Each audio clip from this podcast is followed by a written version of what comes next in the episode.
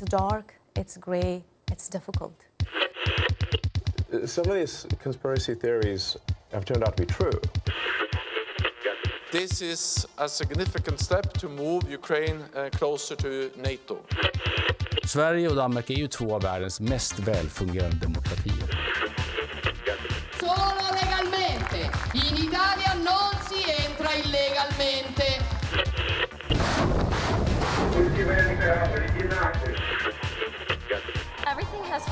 Place. I feel really good about where I am right now. Fredrickson of Denmark and uh, the Minister Jacobo, the daughter of Ireland. Do you guys ever think about dying?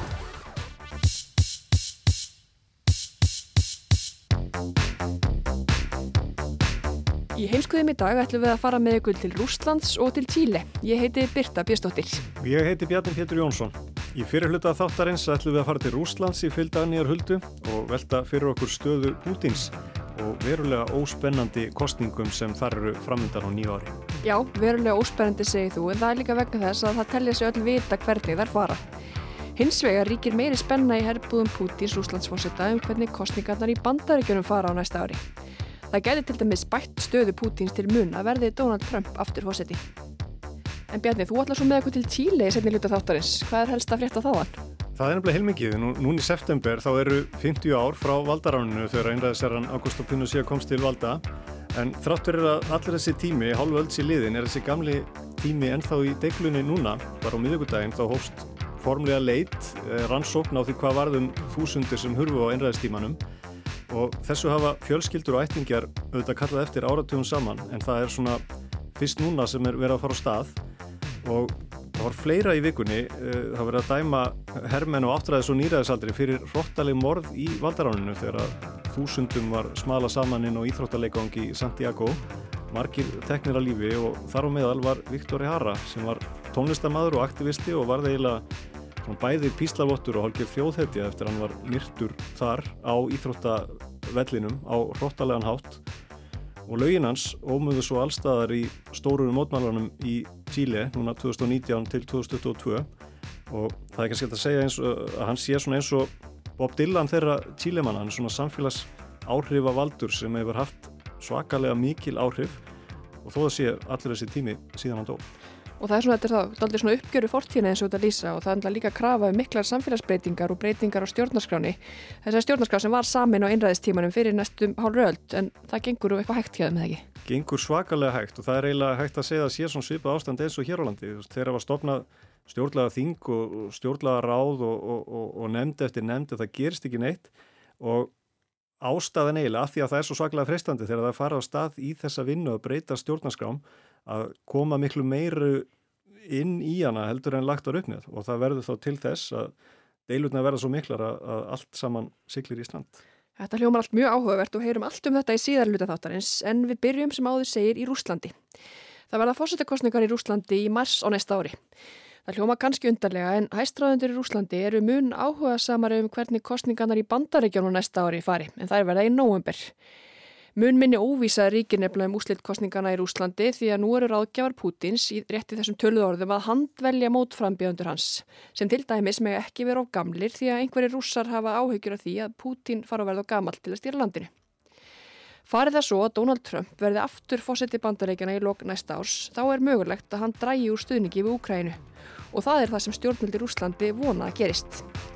Dagni Hulda Erlendsdóttir tekur nú við og ræðir við prófessor í stjórnmálafræði frá Rúslandi um klæki Pútins og elitunar í kringum hann sem hefur verið við völd í Rúslandi alla þessa öld. Þegar fjallaður um fórsetakostningar víða um heim í fréttum er oft tekið þannig til orða að mikil spenna ríki um það hver niðurstaðan verði. Það verður þó líklega ekki raunin í umfjöllun um fórsetakostningarnar í Rúslandi 17. mars. En þarf að vera halda kostningar þegar það er vita með vissu hver verður úrskurðaður sigurvegari.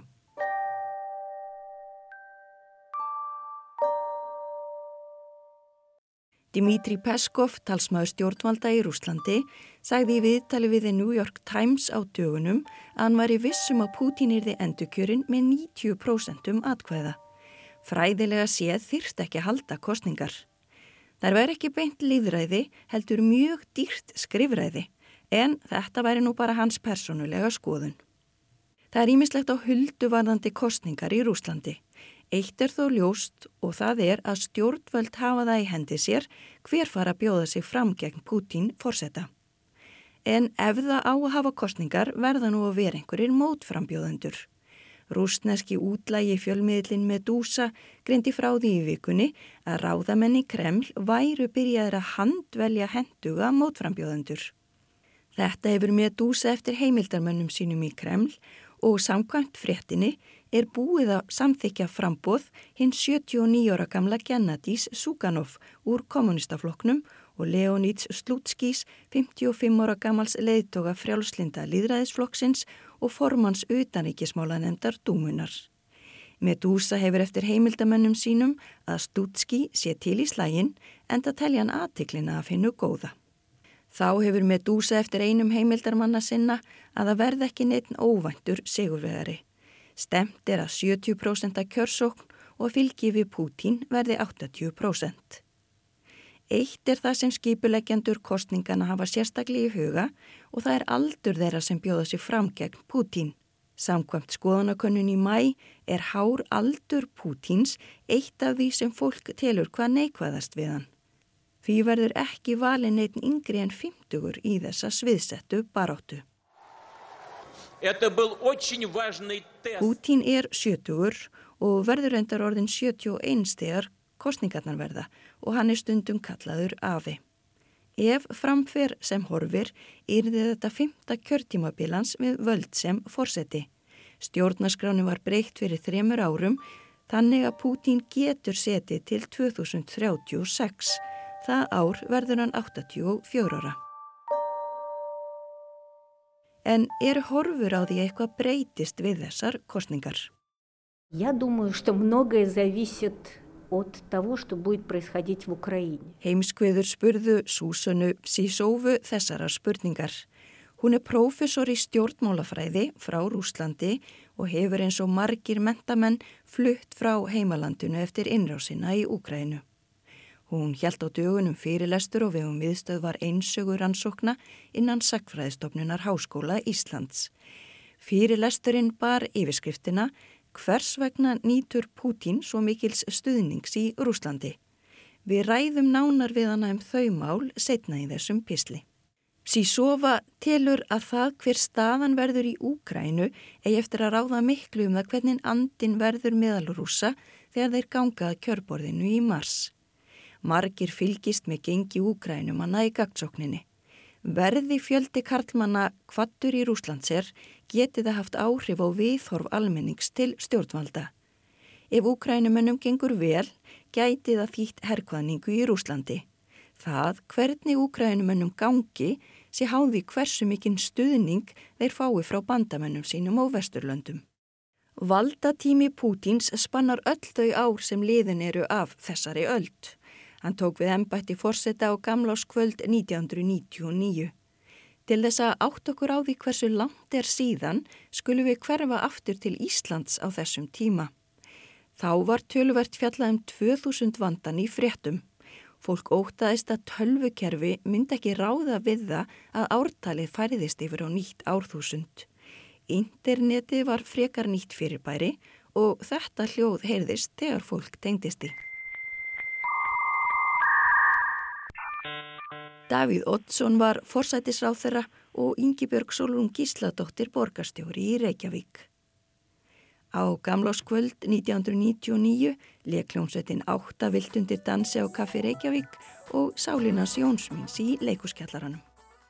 Í Rúslandi hafði Vladimir Putin fyrra á árunu verið skipaður forsætisráð þeirra og hann hafði hugsað sér að horfa á ávarp Borisar Jeltsins, þáverandi forseta Rúslands, í sjónvarpinu um kvöldið en þær fyrirætlanir breyttust þegar Jeltsin sagði óvænt af sér og það kom í hlut Pútins að taka við ennbættinu. Í stað þess að flytja áramóta ávarp helt Jeltsin afsagnar ávarp. Hann sagðist nú ávarpa rúsa í síðasta sinn sem fórseti þeirra og Rúsland ætti að haldin í nýja öld með nýja kynsla og stjórnmálamanna við stýrið. Fram væri komin ungur maður sem fólk byndi miklar vonir við. Ég byrjum við í segja. Долго и мучительно над ним размышлял. Ég hef tekið ákvörðun og það var erfið ákvörðun. Í dag, á síðasta degi aldarinnar, segi ég af mér. Я прошу прощения за то, что не оправдал некоторых Ég bið ykkur að fyrirgefa mér að hafa ekki uppfyllt vonir þeirra sem trúðu því að í einu vetvangi yrði hægt að hverfa frá grári staðnaðri fortíð allræðis í átt til bjartrar og síðadrar framtíðar. Sjálfur hafan trúað að það yrði hægt, þar endist ekki í raunin. Já, og hvað svo? Ég er hættur. Ég gerði allt sem ég gatt. Í minn stað kemur ný kynnslóð leðtoga sem bæði geta gert meira og betur. Vladimir Putin þá 47 ára var fulltrúið þessara nýju kynnslóðar sem Jeltsin kynnti til sögunar. Hans fyrsta hlutverk sem forseti var að flytja áramóta ávarp rétt áður en nýtt árþúsund gekk í garð. Í ljósi þróunar í Rúslandi er áhugavert að rína í orð Pútins í ávarpinu þetta gamláskvöld. Svoboda slova, svoboda sovisti, svoboda sredst massovið informácii, prava sobstvenosti. Ríkið ætlar að standa vörðum málfrelsi, samvisku frelsi, frelsi fjölmiðla, eignaréttin þessar grunnstóðir siðaðara samfélaga. Já, Pútin talaði um frelse og ymsum sviðum sem reyndar hefur verið mjög þrengt að á valdatímanum hans. Þá saði Pútin að mikilvægi görða Jeltsins kem ekki ljós fyrir hann að nokkrum tíma liðnum. Það hafi þó verið ljóstarna um aldamótin að Jeltsin mætti þakka það að Rúsland valdi að ganga veg, líðræði svo umbóta og ætlaði að halda áfram á þeirri leið. Hættja, úr þessi vodni jasna, Það er ljóst nú þegar að það er fórsettanum að þakka að Rúsland hefur valið líðræði og umbætur og stefnir að því marki og er orðið stert og sjálfstætt ríki. Gleðilegt nýtt ár, gleðilegt nýtt ár þúsund. Snovum godum vas, snovum vekam.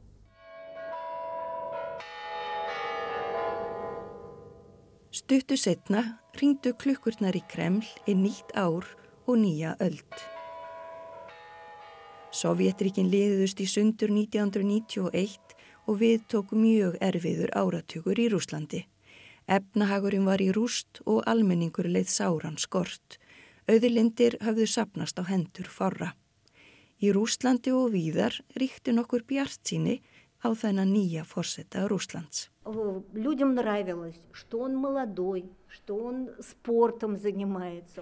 Fólki fjall vel að hann var ungur og stundaði íþróttir.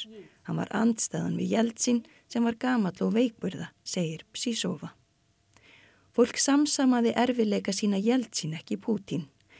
Stjórnmálafræðingar sem ældu viðhor fólks komist að því að það þráði stöðuleika eftir margra ára ringulreið og ruggl. Í víðilu люди хотят э, порядка. После многих лет хаоса экономически... Psísova segir að ríkið hafi bókstaflega verið að rinja. Glæpatíðni var há og glæpur og götum úti voru algengir. Á þessum tíma um aldamótin var nýðust að sérfræðinga svo að Pútín væri leiðtógin sem fólki vildi. Sjálf var Psísova uggandi að heyra af þessum nýja leiðtóga. Я ненавижу Путина все эти годы. Мне тогда, я даже не могла объяснить, когда меня муж спрашивал. Hún segist hafa hatað Pútín í öll þessi ár. Hún hafi ekki getað útskýrta þegar maðurinn hennar spurði af hverju henni líkaði ekki við Pútín. Hún svaraði að það væri af því að hann hefði verið KGB maður. Þar vísar Psísova til þess að Pútín starfaði lengi innan leini þjónustu Sovjetríkjana á tímum kaldastriðsins. Liðsmenn hennar njóstnuðu um og þjörmuðu að þeim sem síndu andstöðu sína við kommunistaflokkin. Einna þekktastur þeirra er líklega rítuundurinn Alexander Solzhenitsyn sem var dæmdur til átt ára vistar í gúlaginu og í útlegð. En aftur að valdatíma Pútins. Óljóst er hversu mikið er að marka skoðanakannanir í Rúslandi. Það er þó ljóst að stór hluti landsmanna stiður forsetan. Sísofa bendir á að valdantíman Pútins hafi þróast það sem hún kallar meðfærinlegt liðræði. Stjórnvöld hafi reitt sig á stuðning meiri hlutans og miklu púðri variði að fá fólk til að samþykja stefnuna sem stjórnvöld ákveða. Beiting ofbeldis gegn borgurum var ekki hverstaslegur hlutur. Það átti þó eftir að breytast. Á sovjettímanum var aðeins einn flokkur, kommunistaflokkurinn, og það var engin hefði í landinu fyrir starfi líðræðislegra flokka eða líðræðislegri hugmyndafræði. Reynd var að skapa líðræði eins og tíðkast á Vesturlöndum, stopna stjórnmálaflokka og líðræðislega stopnanir en það gekk ekki upp. Sísova segir að allir hafi vilja koma á fjölflokkakerfi. Það hafi verið draumur fólksins en að hefðbundnir flokkar hafi ekki náða að festa sig í sessi. Það hafi þó allir gessi grein fyrir því að það þýrtu að vera einhverjir stjórnmálaflokkar. Þess vegna hafi verið stopnaðir flokkar en þeir voru ekki eins og þeir sem voru stopnaðir á vesturlöndum í byrjun 20. aldarinnar. Hún nefnir sem dæmi flokkin Saminað Rúsland sem í dag ræður lögum og lofum í landinu. Þá hafi valda ílítan komist að því hvers konar kraftaverk ráðgjafar stjórnmálamanna geti gert. Forsetakostningarnar árið 1996 hafi markað þáttaskill. Í byrjun kostningabaráttunar mæltist Boris Jeltsin með sáralíti fylgi. Þó tókst honum að sigra í setni umferðinni án þess að gera miklar breytingar á stefnu sinni. Keppinautur hans í setni umferðinni var einmitt Gennadi Suganov sem verður í frambóði gegn Putin í mars.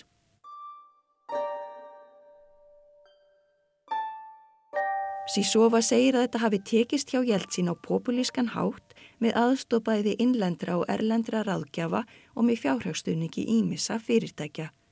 Þá er Jeltsin sagður hafa nýtt sér ríkis fjölmiðla til hins ítrasta sem útilókuðu keppinautin. Þar sem ekki urðu til líðræðisleir stjórnmálaflokkar þá var ákveði tómarum á milli aðstu leiðtóa landsins og almennings útskýrir Sísova. Það var engin grasrót og lítil pólitísk umræða. И на эту почву пришли современные технологии, пришли консультанты. Uppið þetta tómarum fylgtu ráðgjafar stjórnmálamanna eins og við sjáum í dag. Psísova nefnir sem dæmi að fyrir þingkostninga 1999 hafi fjórðungur kjósenda kosi flokk sem í raun varð til yfir nótt. Líti var vitað um flokkin að næna Boris Jeltsin og Vladimir Putin stuttan. Þessi flokkur varð setnað saminuður Úslandi sem í dag er stærsti flokkurinn á rúsneska þinginu. Psísova segir að engin græsrót hafi komið að stopnuninni, heldur hafið að verið pólitíski ráðkjafar sem stopnuðan fyrir kostningabaráttuna.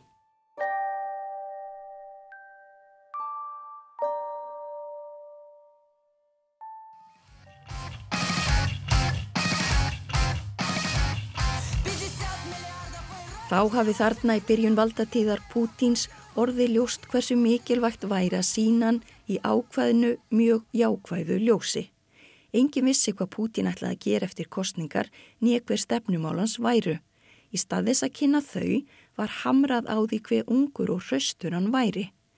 Öll árin hefur hann verið síndur reglulega til dæmis að fljúa orustu þótu, svifdrega, synda í köldum sjónum, berjast í jútó, sigla bát eða stunda skotveiði. Þá var hann síndur skipta um staðsetningatæki á sofandi íspyrtni og sofandi tíkristýri og allt gekk þetta vel.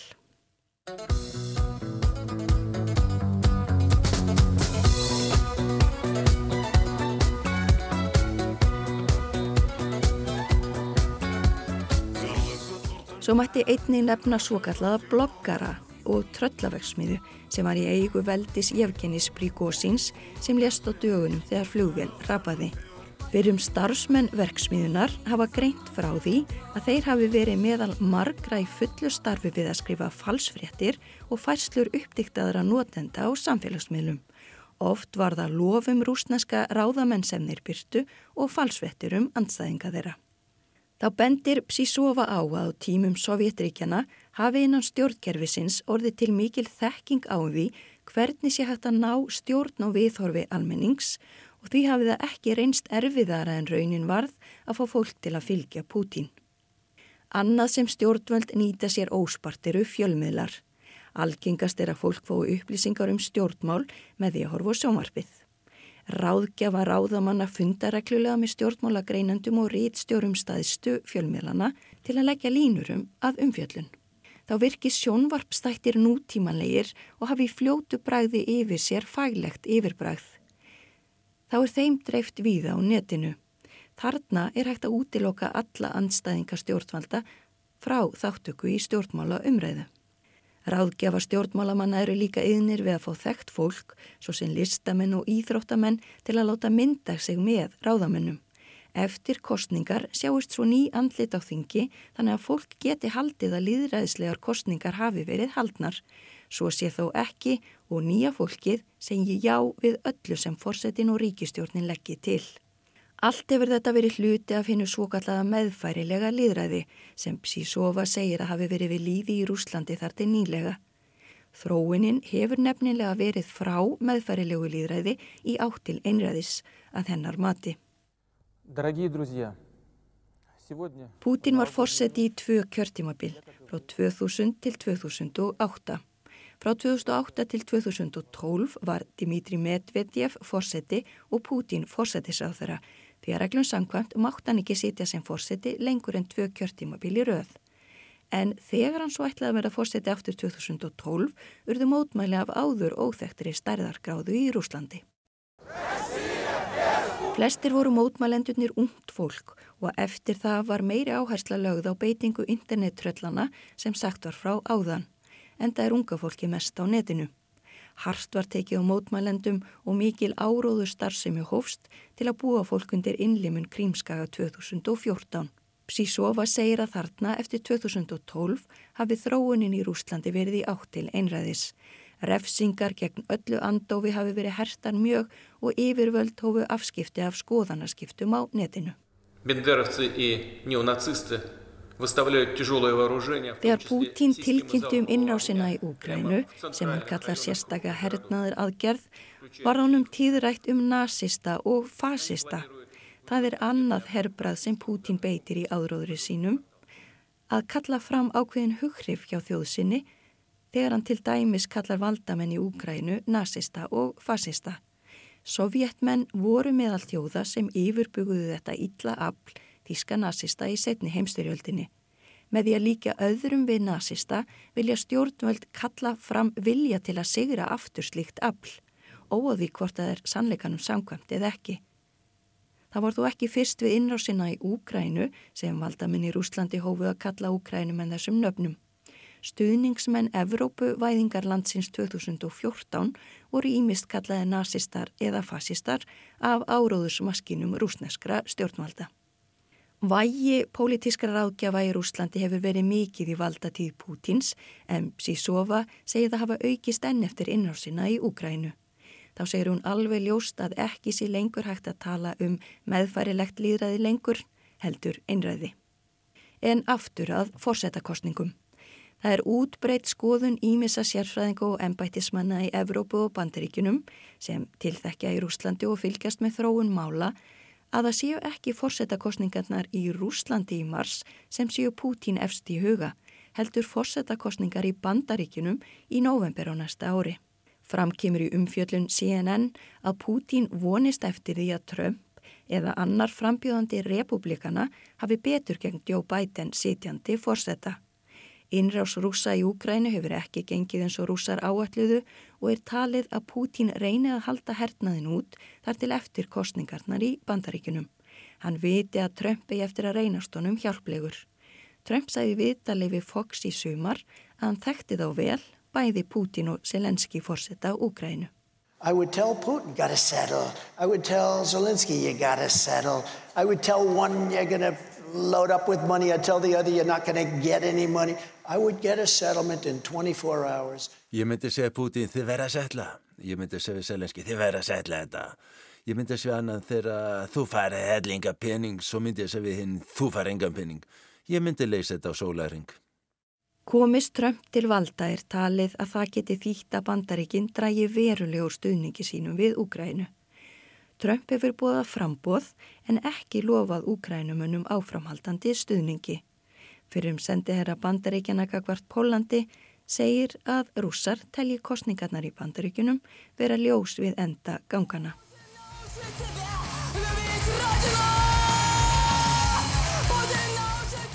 Og frá Rúslandi færum okkur yfir til Tíle því á miðugudaginn hófu stjórnvöld í landinu stort og sögulegt verkefni að komast að því hvað varðum þúsundir manna sem hurfu í stjórnartíð einræðis herrans Augustus Pinochet. Hinga til að var fjölskyldur, ættingjar og vinir enga aðstóð fengið frá yfirvöldum í þessari leit þrátt fyrir að rétt tæp 50 ár séu frá valdarannu. Fjölskyldur fórnalambana vonast eftir bótum frá ríkinu og nýrfósetti, einn af þeim yngstu sem gegna því ennbætti á heimsvísu, segir að réttlæti sér loksins í auksín. Fjölskyldunar eigi rétt á að vita um afdref ástvinna. En hvers vegna er það fyrst núna, hálfri öld síðar sem stjórnvöldi Tíli eru tilbúin að horfast í augu við fortíðina?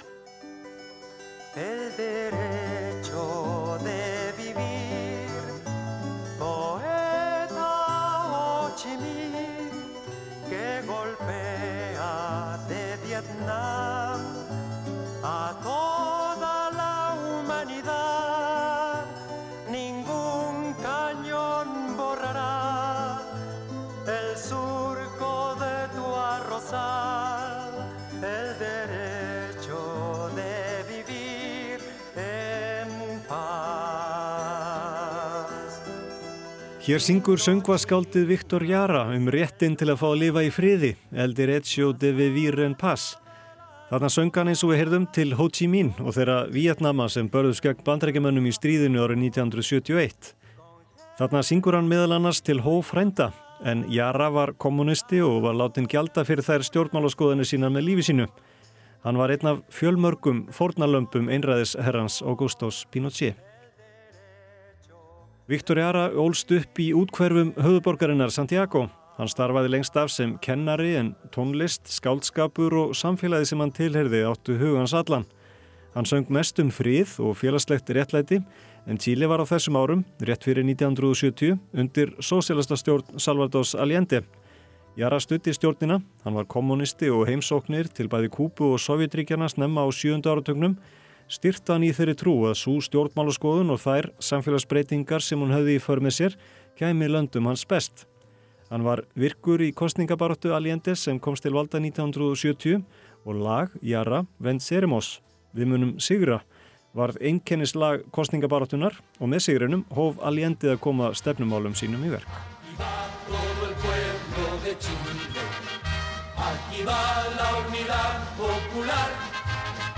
Campesino, estudiante, obrero, compañeros de nuestro cantar.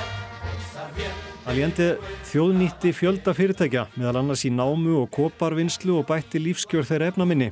Nokkur koparframleiðslu fyrirtækjana voru í eigu bandaríkjamanna og uppgangur Allendes var þyrtnir í augum bandaríkjastjórnar sem fór fljótlega eftir 1970 að huga því að koma stjórninni frá með öllum ráðum.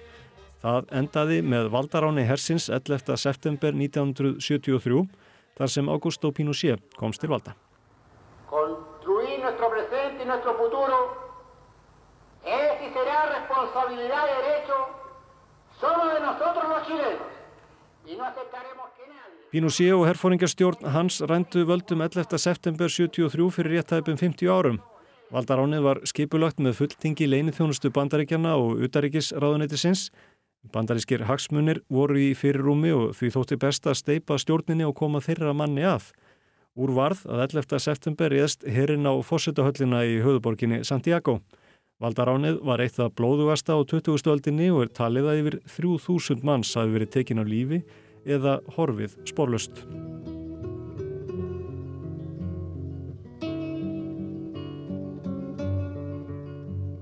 Og eitt þeirra var Viktor Jara. Hann var þekktur á gödum Santiago bæði fyrir tónlistin á mannreitindabarátuna og var því handtekinn strax daginn eftir að herin tók völdin. Honum var á samt þúsundum annara smalað inn á Estadio Chile leikvangin og fer mörgum sögum af hrottalegum pyntingum og limlestingum. Hermenni hafa fengið þau fyrirmæli að gera jarað fordæmi, að sína öðrum hvernig færi fyrir þeim sem væru andsnúnir herfóningastjórninni. Og þar eiga þeir að hafa brotið bæði hendur og fingur söngvaskáldsins frammi fyrir öllum og bariðan og misthymt í marga daga. Það voru því mörg vittni að pyntingunum og engin ástæði til að efast um frásögn þeirra en eitt leikur ljóst fyrir hermenn Myrtu Jara, líki hans sundur skotnu en yfir 40 bissukúlur fundust í líkinu var síðan kastað út á götu fyrir utan leikvangin þann 16. september fimm sólarhingum eftir að Jara og þúsundir annara voru handtegnar og fangilsaðar á leikvanginum Estadio Chile. Þessa síðustu daga undir nær stöðugum pyntingum samti Viktor Jara sitt síðasta ljóð sem var síðar gefið nafnið Estadio Chile. Grípum niður í íslenska þýðingu Ingóls Margessonar. Hver erfitt það er að syngja þegar ég verð að syngja um skelvinguna. Skelvingu þess sem ég lifi, skelvingu þá sem ég mun deyja í. Að sjá sjálfan mig meðal svo margs, að finna svo mörg augnablík eiliðarinnar, þar sem róp og þögn eru endalók söngsmýns. Augusto Pinochet einræðisherra þurfti aldrei að svara fyrir glæpi sína. Hann lést 2006 þá 91 ás á meðan réttarhöld voru í undirbúningi. En það sama má ekki segja um mennina sem myrtu Viktor Jara.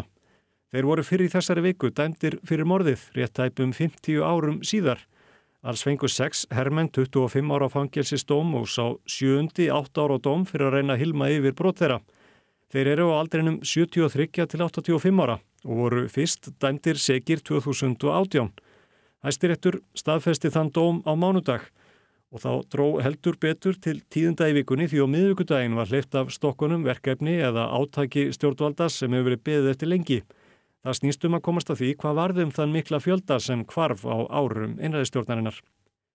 Fjölskyldurnar hafa margar hverjar verið ábyrrandi þegar valdaránsins er minnst. Marta Reyes var 19 ára þegar Pinochet komst til valda. Hún segir að þessi tími líði sér aldrei úr minni en óttast að það sé að gerast hjá mörgum landa hennar sem hafi glimt voðaverkun. Yo tenía 19 años, por lo tanto son tiempos que no se olvidan y veo que nuestro pueblo está perdiendo la... Alejandra Molina misti ættingja á Pinochet árunum. Hún segir mikilvægt að koma saman 11. september ár hvert, minnast þeirra sem létu lífið og krefjast réttlætis. Eh, bueno,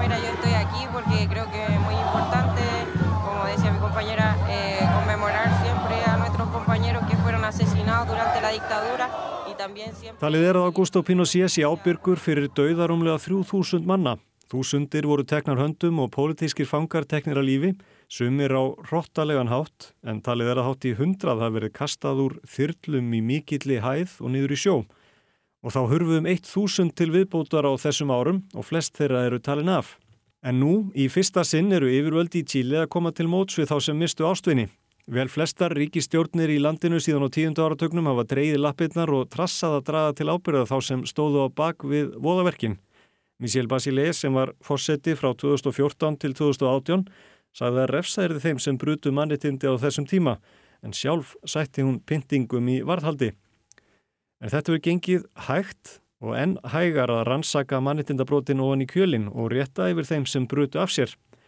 Þegar sumir hermannana fengu loksins dóma voru þeir afar vægir. Þeir sátu í bestu fangilsunum og einstök dæmur um að þeir fengi að fara heim um helgar. Frækt er þegar Pinochet sjálfur var handtekinn í Breitlandi 1998, þá var hann um tvekkjára skeið í stofufangelsi og hafa fengið sendar fínar viskiflöskur frá þáurandi fósættis á þeirra breyta, Margretti Thatcher. Honum var síðar sleft því ekki þótti mannulegt að halda honum lengur vegna veikinda hans, en þá átti hann yfir höfði sér yfir 300 ákjærur.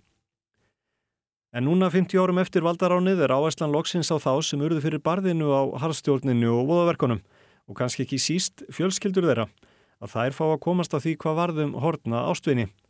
Gabriel Boric, fósetti Tíle, kynnti í mass á þessu ári verkefnið Sannleikur og réttlæti. Það er yfirskrift átaks sem hefur þegar verið útlutað bæði fjármagni og starfsfólki. Þeim er falið að rannsaka síðustu daga þeirra sem saknaðir en flestir þeirra eru eðlimál sem samkvæmt taldir af. Þeir hafa komast að sannleikanum og náfram réttlæti. Boric sem er fættur 1986 komst til valda í fyrra og er yngsti fósettin í sögu landsins. Hann hefur lagt áherslu á þetta réttlæti en ekki síður aukin jöfnuð í samfélaginu sem er mjög tvístrað ólíkt og ójamt. Það eru líklega fáar aðrar þjóðir sem raða sér með jöfnum hætti á sitt hvort enda stjórnmálana eins og íbúar Tíli. Þar hefur jafnan verið rekin annarkvort hörð hægri stefna eða hort lengst til vinstri og því eru sveiplutnar miklar.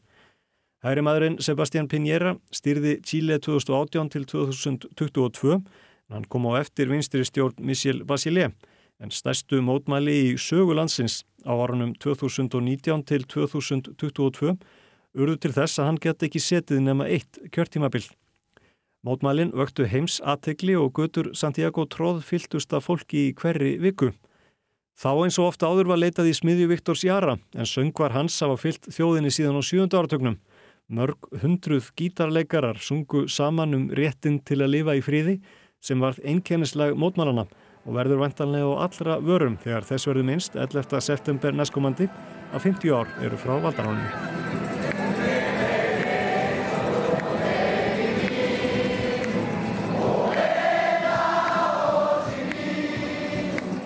Gabriel Boric fórseti tók við fljótlega eftir að mótmæla öldunni laug Hann er vinstri maður og var mjög ábyrrandi í mótmælanum sem var mætt af mikill í hörku.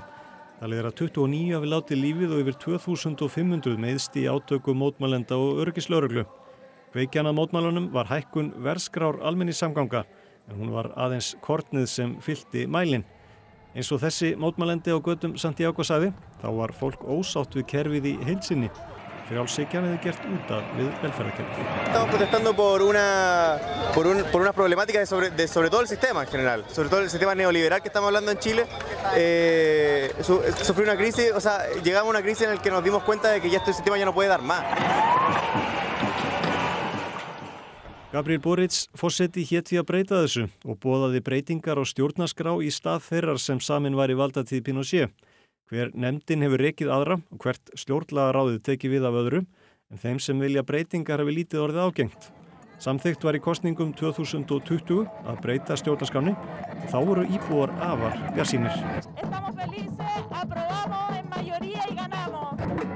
Við erum allsæl, meiri hlutin samþykti breytingarnar og við unnum sigur, sagði þessi unga kona í Santiago þegar úslitin lágu fyrir. Og bjarsínin var ekkert minni hjá eldrikynnslóðinu.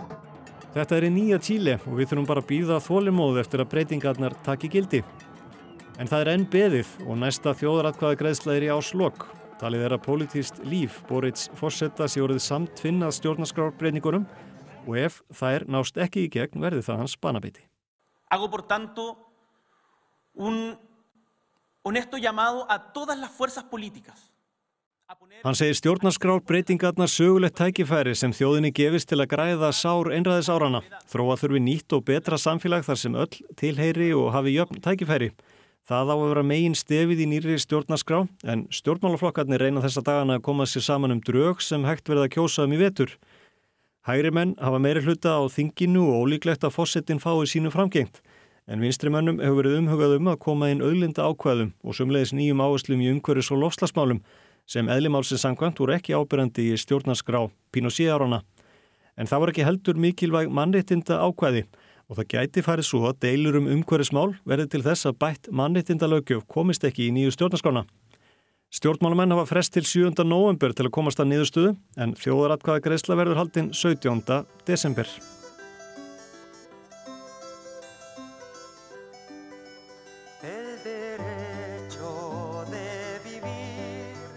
Og vonir standa til að rött fólksins muni heyrast. Svo ég vitni aftur til skáldsins Viktors Jara sem söngum réttin til að lifa í fríði sem átti svo vel við á þeim tíma en á jafnvel enn betur við í dag réttæpri hálri öld eftir að hann lést. Því þar er ákall til þeirra sem stýra kerfinu sem knýr hvert stríðið á fætur öðru til að breyta því svo réttur okkar allra til að lifa í fríði verði virtur. Og þessum nótum líkur heimskviðum þannig lögadaginn. Við verðum hér aftur á sama tíma í næstu viku. Takk fyrir að hlusta. Donde revientan la flor Con genocidio y napalm La luna es una explosión que funde todo el clamor, el derecho de vivir